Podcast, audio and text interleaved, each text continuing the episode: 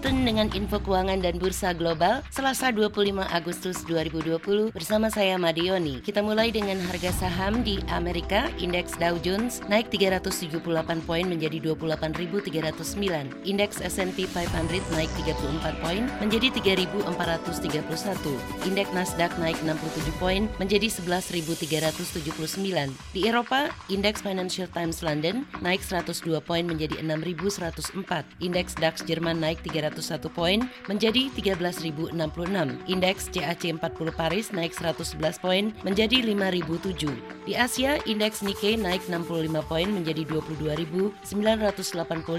Indeks Hang Seng naik 437 poin menjadi 25.551. Berikut nilai tukar dolar Amerika di New York terhadap beberapa mata uang utama lainnya. 1 dolar Amerika bernilai 0,84 euro dan 105,9 yen Jepang. Sementara pound sterling Inggris dijual di New York seharga 1,30 dolar dan 1 dolar Amerika sama dengan 14.667 rupiah. Sementara itu harga beberapa komoditas kunci untuk pengiriman mendatang pada penutupan pasar di New York sebagai berikut. Harga minyak mentah WTI naik 5 sen menjadi 42 dolar 39 sen per barel. Harga emas turun 13 dolar 90 sen sen menjadi 1.933 dolar 10 sen per troy ounce. Harga tembaga naik 8 sen menjadi 2 dolar 94 sen per pon. Harga kakao atau biji coklat naik 50 dolar menjadi 2.459 dolar per ton.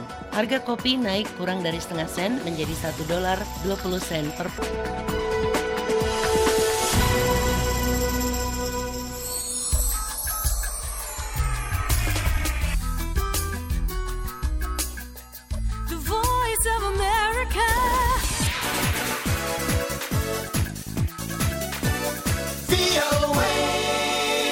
Masih dalam informasi keuangan dan bursa global VOA bersama saya Yoni. Perusahaan raksasa media sosial Amerika Facebook hari Senin setuju untuk membayar 125 juta dolar kepada pemerintah Prancis dalam bentuk utang pajak untuk kegiatannya di Prancis selama periode satu dekade sejak 2009 dan membayar pajak 50% lebih besar untuk tahun berjalan.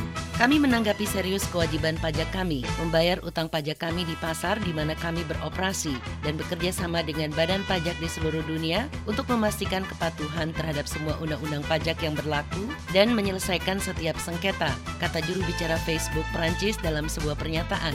Pembayaran pajak oleh raksasa digital Amerika ini yang terkait dengan pendapatan di negara di mana pendapatan itu diperoleh telah menjadi sumber konflik berkepanjangan antara Perancis dan Amerika.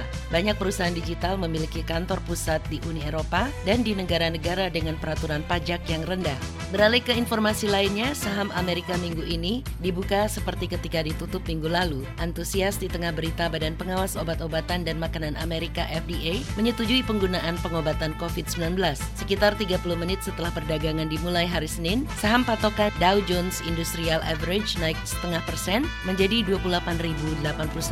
Indeks S&P 500 melonjak 0,7 persen menjadi 3.419 dan indeks komposit Nasdaq yang kaya saham teknologi meningkat 0,8 persen menjadi 11.400. Tetap kuat setelah mencapai lebih dari 30 rekor penutupan pada tahun 2020. Suasana tenang pada akhir Agustus sering menimbulkan perubahan besar dalam harga saham. Tetapi Wall Street mendapat dorongan setelah FDA hari Minggu mengeluarkan otorisasi penggunaan darurat yang memungkinkan para dokter menggunakan plasma orang-orang yang sembuh dari COVID-19 untuk merawat pasien baru. Berdasarkan bukti ilmiah yang tersedia, FDA menyimpulkan produk ini mungkin efektif dalam mengobati COVID-19 dan manfaatnya yang diketahui serta potensi produk tersebut lebih besar daripada potensi resikonya pada pasien COVID-19 COVID-19 yang dirawat di rumah sakit, kata FDA dalam sebuah pernyataan. Demikian informasi ekonomi pagi ini. Jika ada pertanyaan mengenai informasi-informasi yang kami sajikan kali ini, Anda bisa mengirim email ke voaindonesia at voanews.com. Saya Madioni undur diri. Bye!